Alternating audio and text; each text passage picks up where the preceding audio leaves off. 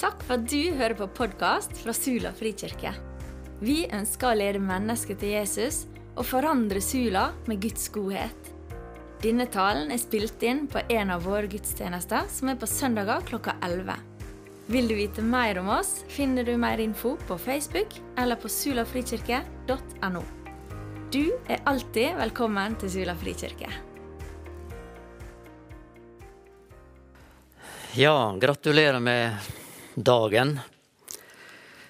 For meg er Det er mange store dager i kirkeåret, men for meg er, er dette den eh, største dagen. Absolutt. Jesu oppstandelsesdag. Men eh, jeg veit mange stiller spørsmålet kan det virkelig ha skjedd? Kan det skje at noen står opp fra døden? Vi regner ikke med det til vanlig. Det skjer jo vanligvis ikke. Eller det er vel umulig. Sånn vil mange si det. I så fall så står vi overfor et av de største paradoksene i verdenshistoria. Eller Kan han virkelig ha stått opp igjen? Det er temmelig sterke vitnemål vi møter i dag, bl.a. fra Lukas 24, som han Geir leste ifra. Det var ingen av vennene hans den gangen som trodde det. Heller ikke da det begynte å gå rykte om at eh, det var noe som var skjedd. De hadde stengt seg inne i et hus av frykt for å lide samme skjebne som Jesus. Han var jo død på et kors. Alt de hadde satsa livet på, hadde falt i grus. Trodde de. De var knust, og de var livende redde.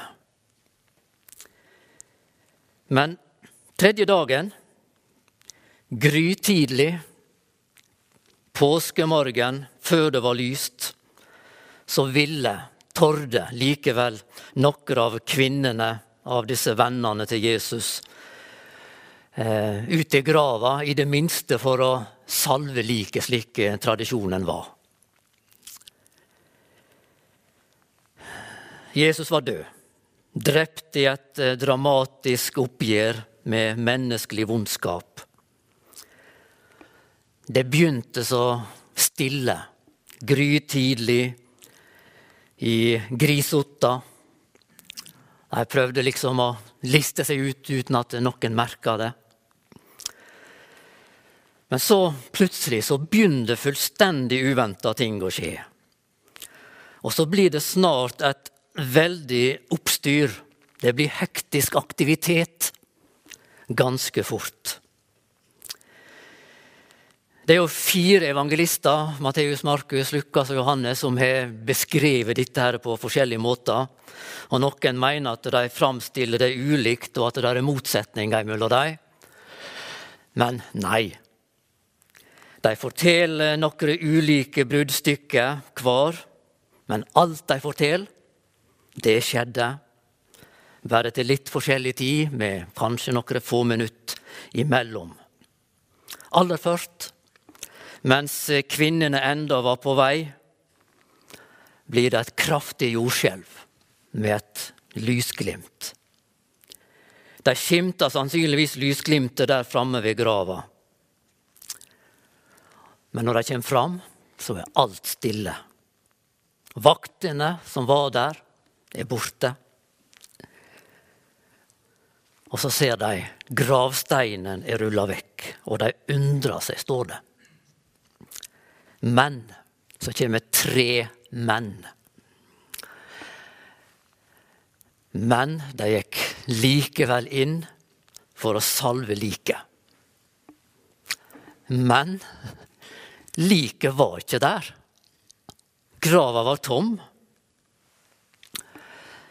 Men en lysende engel, en lysende skikkelse, var der. Og som kan fortelle dem han er ikke her. Han er stått opp.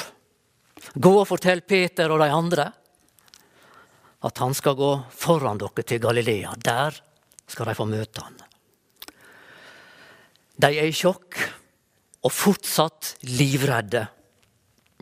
De kommer seg ut av grava. Der står det også to engler som forteller det samme, men de går liksom ikke inn. De hasta tilbake og storma oppskjørt, oppskjørta inn i huset der vennene deres er. Grava var tom. Og Noen engler fortalte, men ingen av vennene ville tro det. Det var uforståelig. Men to av dem kjenner vi. Peter og Johannes. De må jo ut for å sjekke dette her. Og det står de spring for å sjekke. Og det stemte. De tikka kikka inn, først Johannes, og Peter han går helt inn. Og de ser bare likkleda ligge der Jesus hadde ligget. Det stemte. Grava var tom. Og så skal jeg lese, også fra Lukas 24. Da han bøgde seg, Peter Da er vi i vers 12. Da han bøgde seg inn, så han ikke annet enn linkleda. Så gikk han tilbake til huset der han bodde, og undra seg over det som hadde hendt. Det var alt Peter fikk oppleve der og da. Så står det punktum. Og så står det ikke det mer om Peter akkurat der. Men det står litt om han seinere. Det skal vi komme tilbake til. Men i mellomtida så er Maria Magdalena kommet ut igjen til grava. Og nå kommer hun aleine. Og det er jo forståelig, for ingen vil jo tro på henne. Dette må, måtte hun ha for seg sjøl, og dette måtte hun ut igjen for å sjekke og bearbeide. Hva var det som hadde skjedd? Og så er jeg opptatt av én ting til. Hva er lekamen blitt av? Hun er i djup sorg, djup, djupt sjokk. Og med tårevåte øyne så ser hun knapt det hun ser. Utafor grava så skimta hun gartneren. Trur hun. Er det du som har tatt han? Hvor har du lagt han? Si det, så jeg kan få ta han med meg.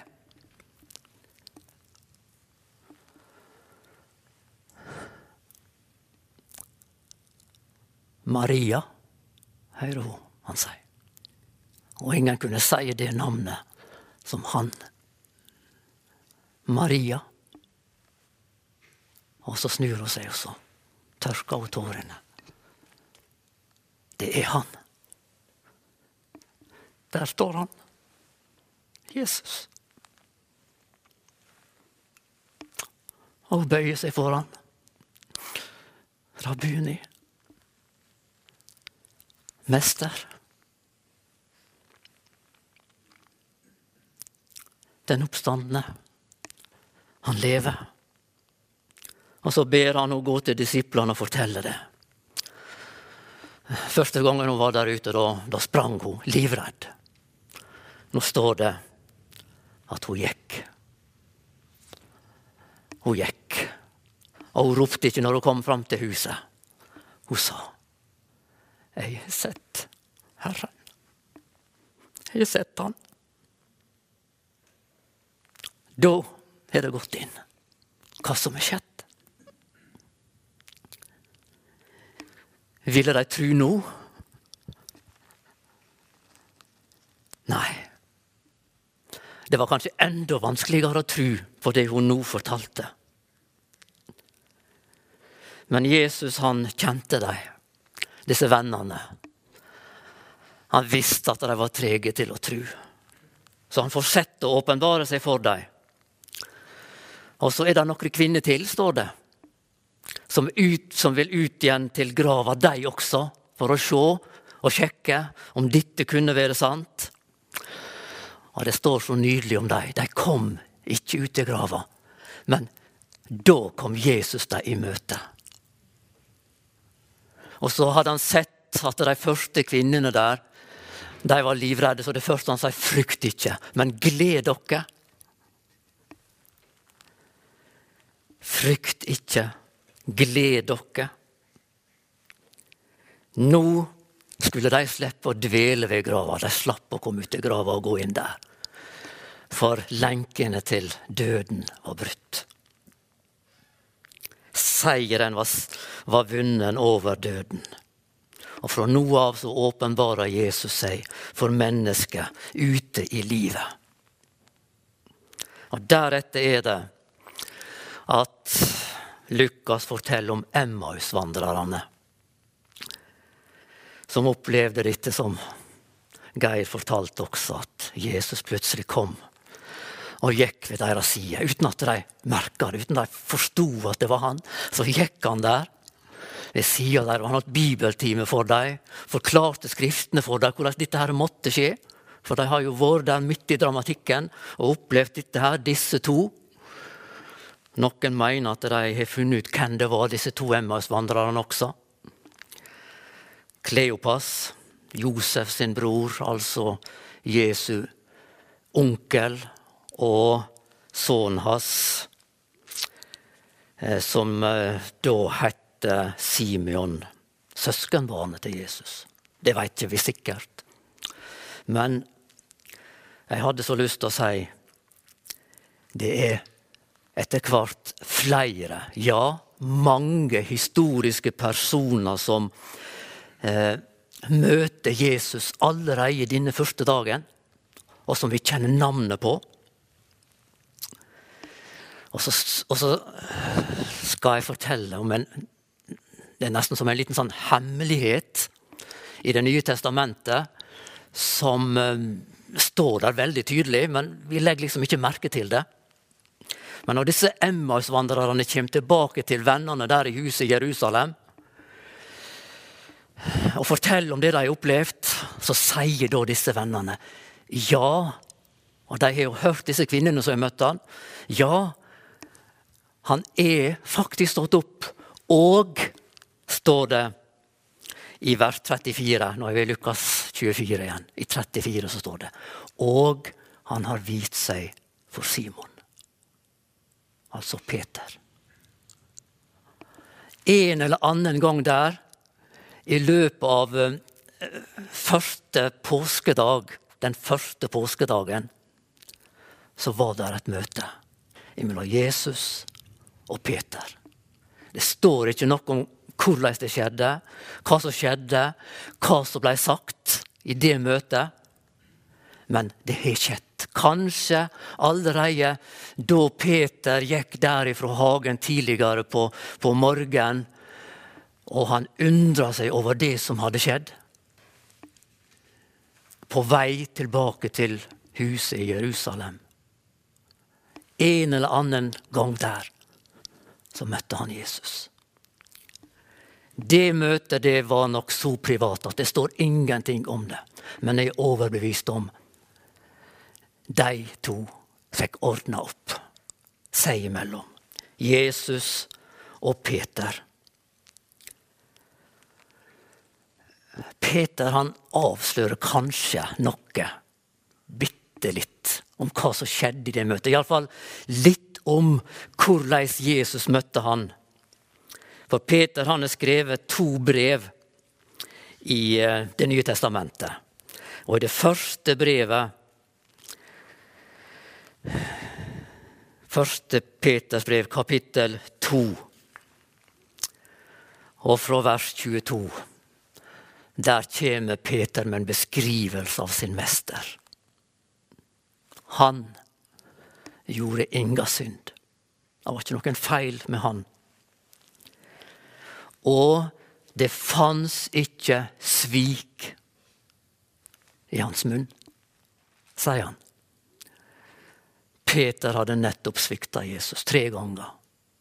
Men når han skal fortelle om sin mester Han sveik. Han svik ikke. Han sveik ikke meg. Han svarer ikke med hån jeg håna han for ei tjenestejente og en soldat. Men han håna ikke meg. Han snakker ikke stygt om meg. Han truer ikke. Nåde deg, Peter, hvis du gjør det der en gang til. Aldri i verden. Nei, han trua ikke. Mesteren. Det var slik han var. Det var slik han møtte Peter. Og så fikk de ordna opp, og så blei det en fullstendig tilgivelse. Peter han var kanskje den første som begynte å ane rekkevidda av virkningene av det Jesus hadde gjort. Og den første som fikk begynne å kjenne på oppstandelseskreftene som et resultat av det som han sier også i vers 24. På sin egen kropp bar han syndene våre opp på treet. Og ved hans sår har jeg fått lekedom. Han fikk kjenne noen uante krefter som fikk han videre i livet. Oppstandelseskrefter som går over vår forstand, som går over all vitenskap. En overordna visdom som gjør meg rein og rettferdig for Gud. Noe som er større enn meg, noe som jeg ikke klarer å fatte helt. Men det handler om et oppgjør fra Guds side. I et intervju nå um, tidligere i vinter så um, fortalte Hanne Krogh fortalte om sin vei fra ateisme til um, eh, tru på Jesus som veien til Gud. Og hun møtte han som ei kraft, forteller hun gjennom glade kristne i USA på ei reise dit. Og så sier hun det er så befriende å vite at det er ting vi ikke forstår eller veit. Det, eh, det Uten det ville livet bli keisamt, sier hun bruker det ordet. Keisamt. Kjedelig. Eh, å få hengi seg til dette uforståelige, ufattelige det gjør livet spennende og innholdsrikt. For av og til så åpnes øynene våre, og vi skimter litt av hva som skjer. Dette som Peter beskriver som ei veldig kraft som reiste Jesus opp ifra døden. Ei guddommelig kraft. Ja, at Gud reiste han opp, sier Peter i kapittel 1, 21 i sitt første brev. Det kunne ikke skje på noen annen måte. Det var Gud som i si kraft, guddommelige kraft, reiste han opp. Og Hva betyr det egentlig, at Gud reiste han opp? Og Nå er det at ordene mine de blir så bitte små i forhold til dette veldige som skjer. Men det ligger noe i dette at det, når Jesus sto opp, så anerkjente Gud alt det Jesus hadde sagt og gjort. Han godtok alt det Jesus gjorde. Han viste for oss hvem Jesus virkelig er. Han var Guds sønn. Han var det sanne bildet av Gud. Det var faktisk Gud som hadde gjesta oss mennesker på denne jorda. Han tilslutta seg alt det Jesus hadde gjort, og som han var. Det var Guds ord som hadde gjesta oss mennesker. Og det var Guds ord og vilje Jesus forkynte og fullførte.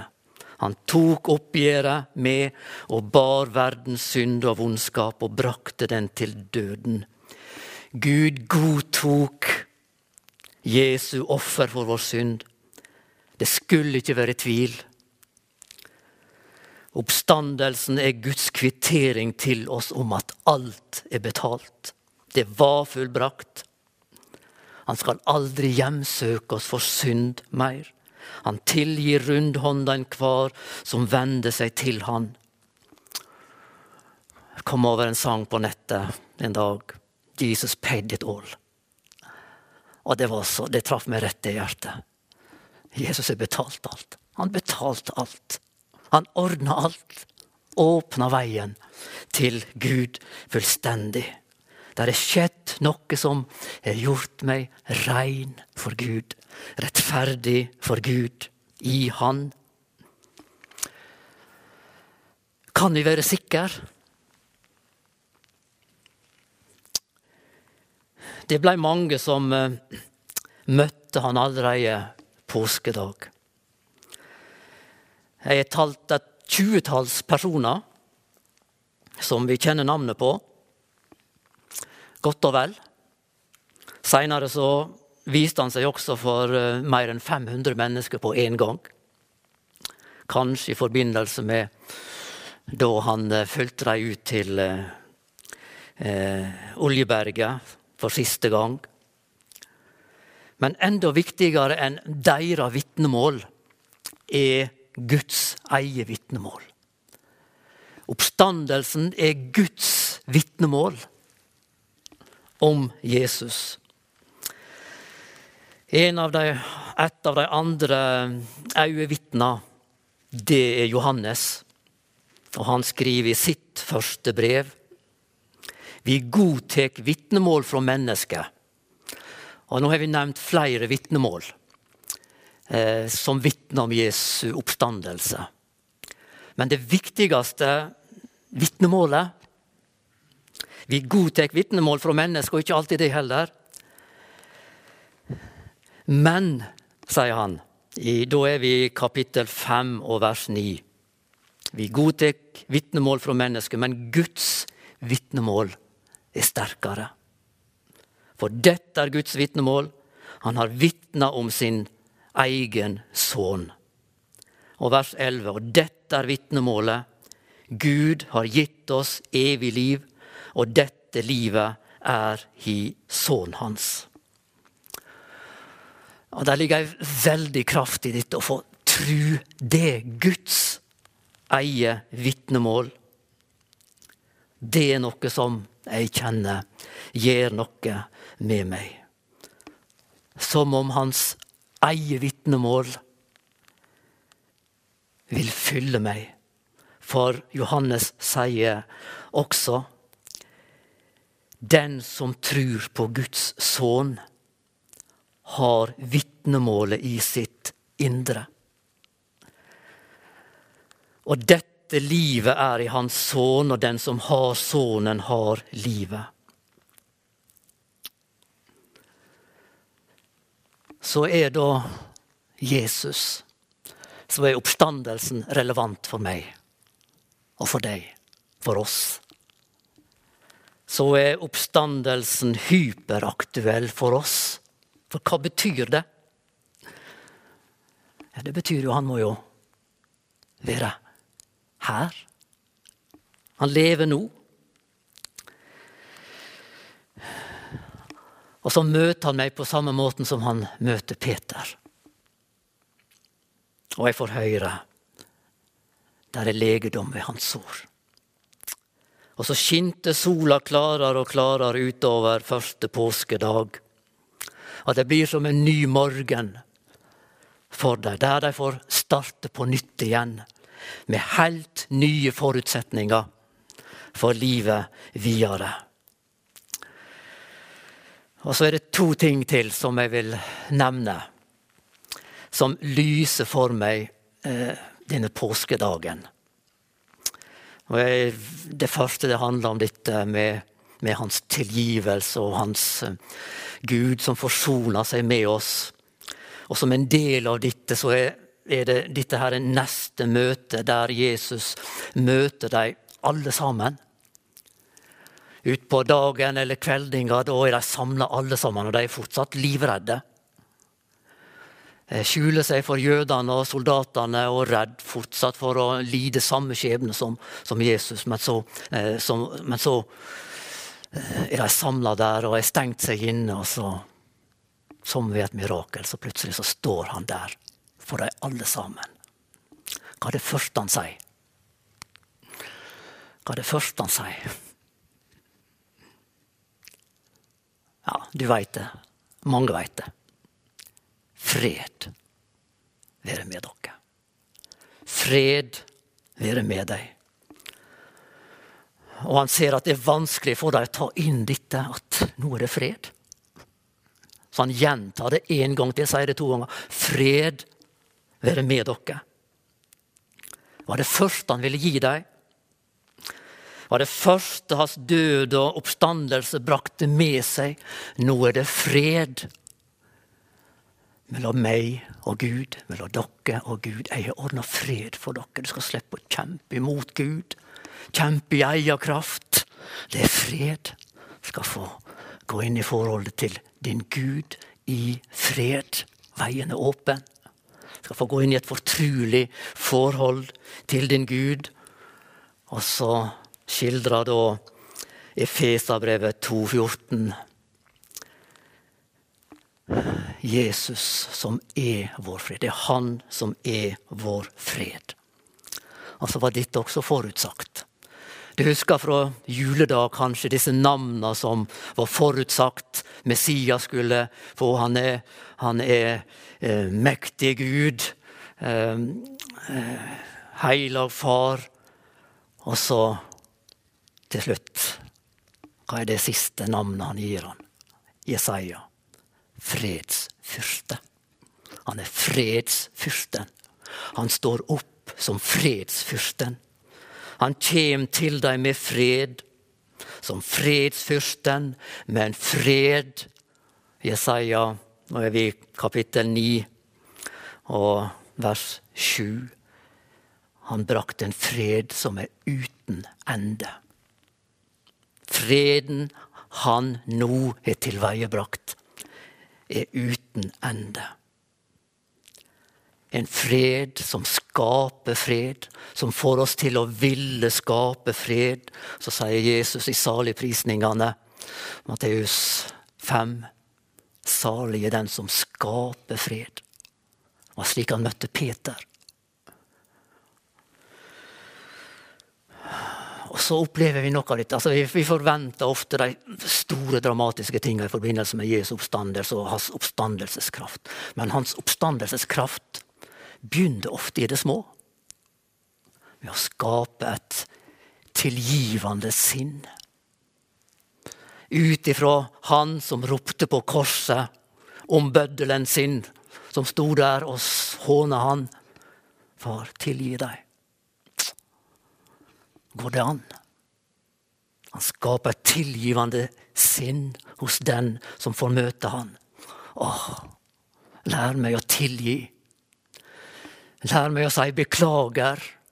Unnskyld når jeg har trakka i salaten, for det gjør det jo også lettere for deg som jeg har trakka i salaten, i forhold til å tilgi også. Og så skaper det fred. Det er noe forunderlig Jesus lærer oss, og det er noen forunderlige virkninger av hans oppstandelseskraft. og Det er der det ofte må begynne. Før de større tingene som vi kanskje forventer skal skje. Det er lys av fred påskemorgen. Og så var det tredje. Det er lys av håp. Det er lys av håp. Og det er det siste punktet. Om at det skal bli bedre. Selv om koronaen ikke skulle gi seg, er det likevel håp, sier fredsfyrsten. Og det hadde jeg lyst til å minne oss om i dag. Jesu oppstandelse peker framover mot en andre oppstandelse for alle hans medvandrere. Et håp som går utover dette livet. Ja, og det skulle jeg ha snakka lenge om, men i dag hadde jeg lyst til å si han gir også håp for dette livet. Han gir det. For livet her og nå. Hva var det største Jesus sa etter oppstandelsen. Ja, for meg er det Matteus 28, 20. Jeg har fått all makt i himmel og på jord, sa Jesus. Ja, det må vel være det største. Ja, så sier han noe til. Eh, går derfor ut. For noen er det iallfall like stort at jeg skal få være med og spreie dette. her, og Det er en enorm ære for meg å få stå her i dag. Det må jeg si, selv om jeg var skikkelig nervøs på forhånd. For ordene mine blir så små når jeg skal skildre det her. Men for en ære det er å få fortelle om dette her. Og det er stort. Og så sier han en tredje ting. Å se jeg er med dere. Jeg er med dere alle dager. Og for meg ville ikke det være hjelp om han sa jeg har fått all makt, hvis han ikke også sa jeg er med deg alle dager. Men det sa han også. Det sa han også. Og da skal jeg få tru.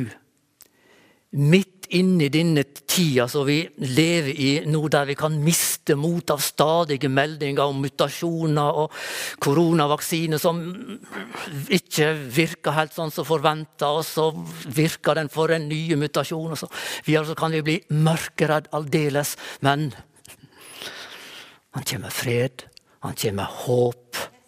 Ja, han kommer håp, og da skal vi få tro han har kontroll. Han har kontroll. Hvis ikke det var for det, så ville ikke det være mye håp. Da hadde vi bare koronavaksina igjen. Og kan den gi oss fred? Ja, kanskje en liten stund, sånn ytre sett. Forhåpentligvis. Og det ber vi om. At den skal virke virkelig. Ønsker det av hele mitt hjerte. At vi skal få komme over denne krisa. Vi ber om det. Skal ikke slutte å be om det. Og vi håper at det skal gå. Men det er noe som er enda større. Og det er at uansett hvor dette går, så er han nær. Han lever. Han er oppstanden. Det trenger jeg. Denne evige fred, det evige håp. Evig liv snakker han om. Livet. Ja, tenk hvis han virkelig sto opp igjen. Da er dette virkelig. Virkelighet for oss. Men så veit jeg noen der ute, kanskje du ser på, lytter til. Skulle han ikke ha vist seg enda mer tydelig for meg i dag, her og nå? Savner det. Da vil jeg gjerne si Jeg har ikke opplevd så veldig dramatiske ting, noen småting i forhold til det andre jeg har opplevd. Men jeg vil si der er noen i vår tid, som lever nå, som eh, har møtt han. Veldig tydelig. Jeg har tidligere fortalt om ei dame fra Danmark, journalist, Charlotte Rørt, eh, som møtte Jesus i et kapell i Spania et, i et oppdrag. Fikk sett seg inn der i stillhet. Og der så hun han. Sto der framfor henne med lukka øyne. Så han kunne beskrive han tydelig. Et sterkt møte, helt uventa. Var ikke religiøs eller kristen eller noe. Helt uventa.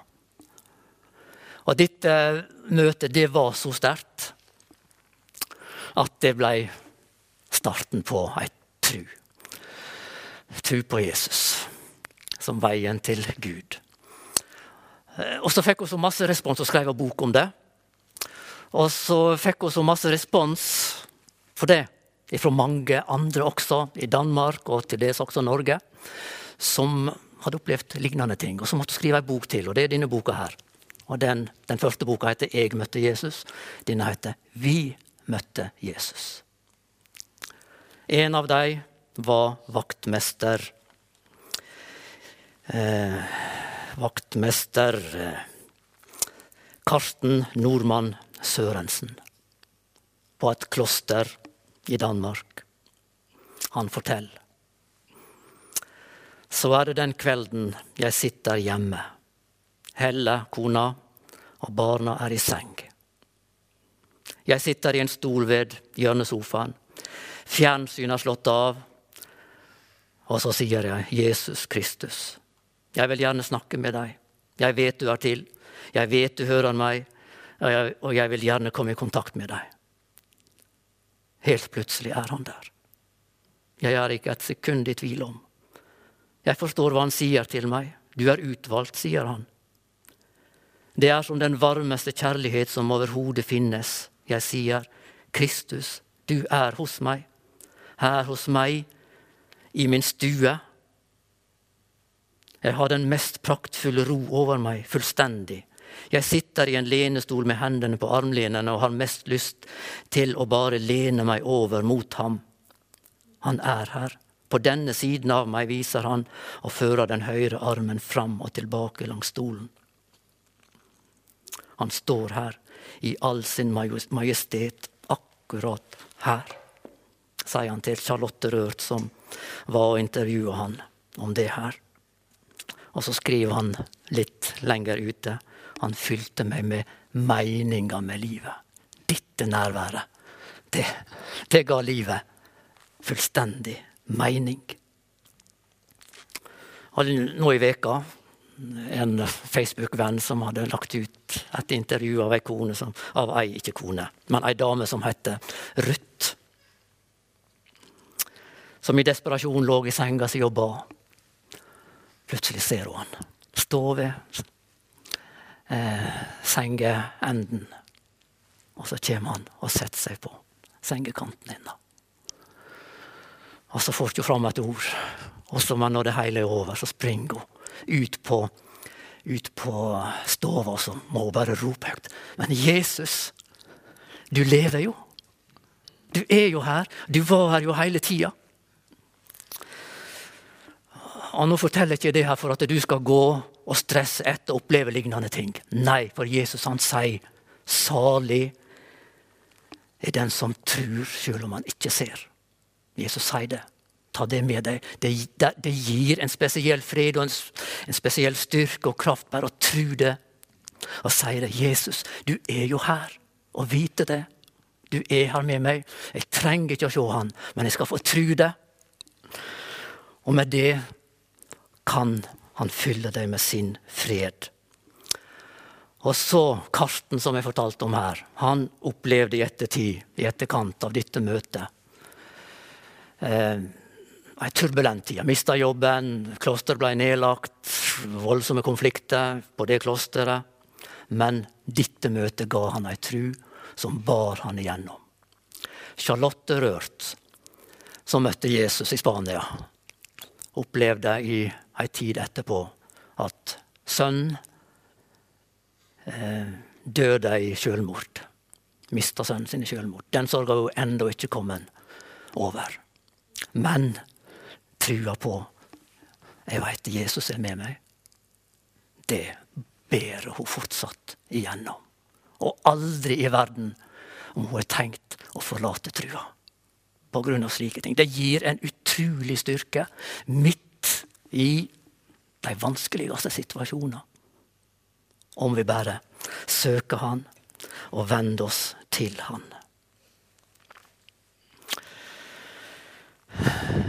Da går vi inn for landing.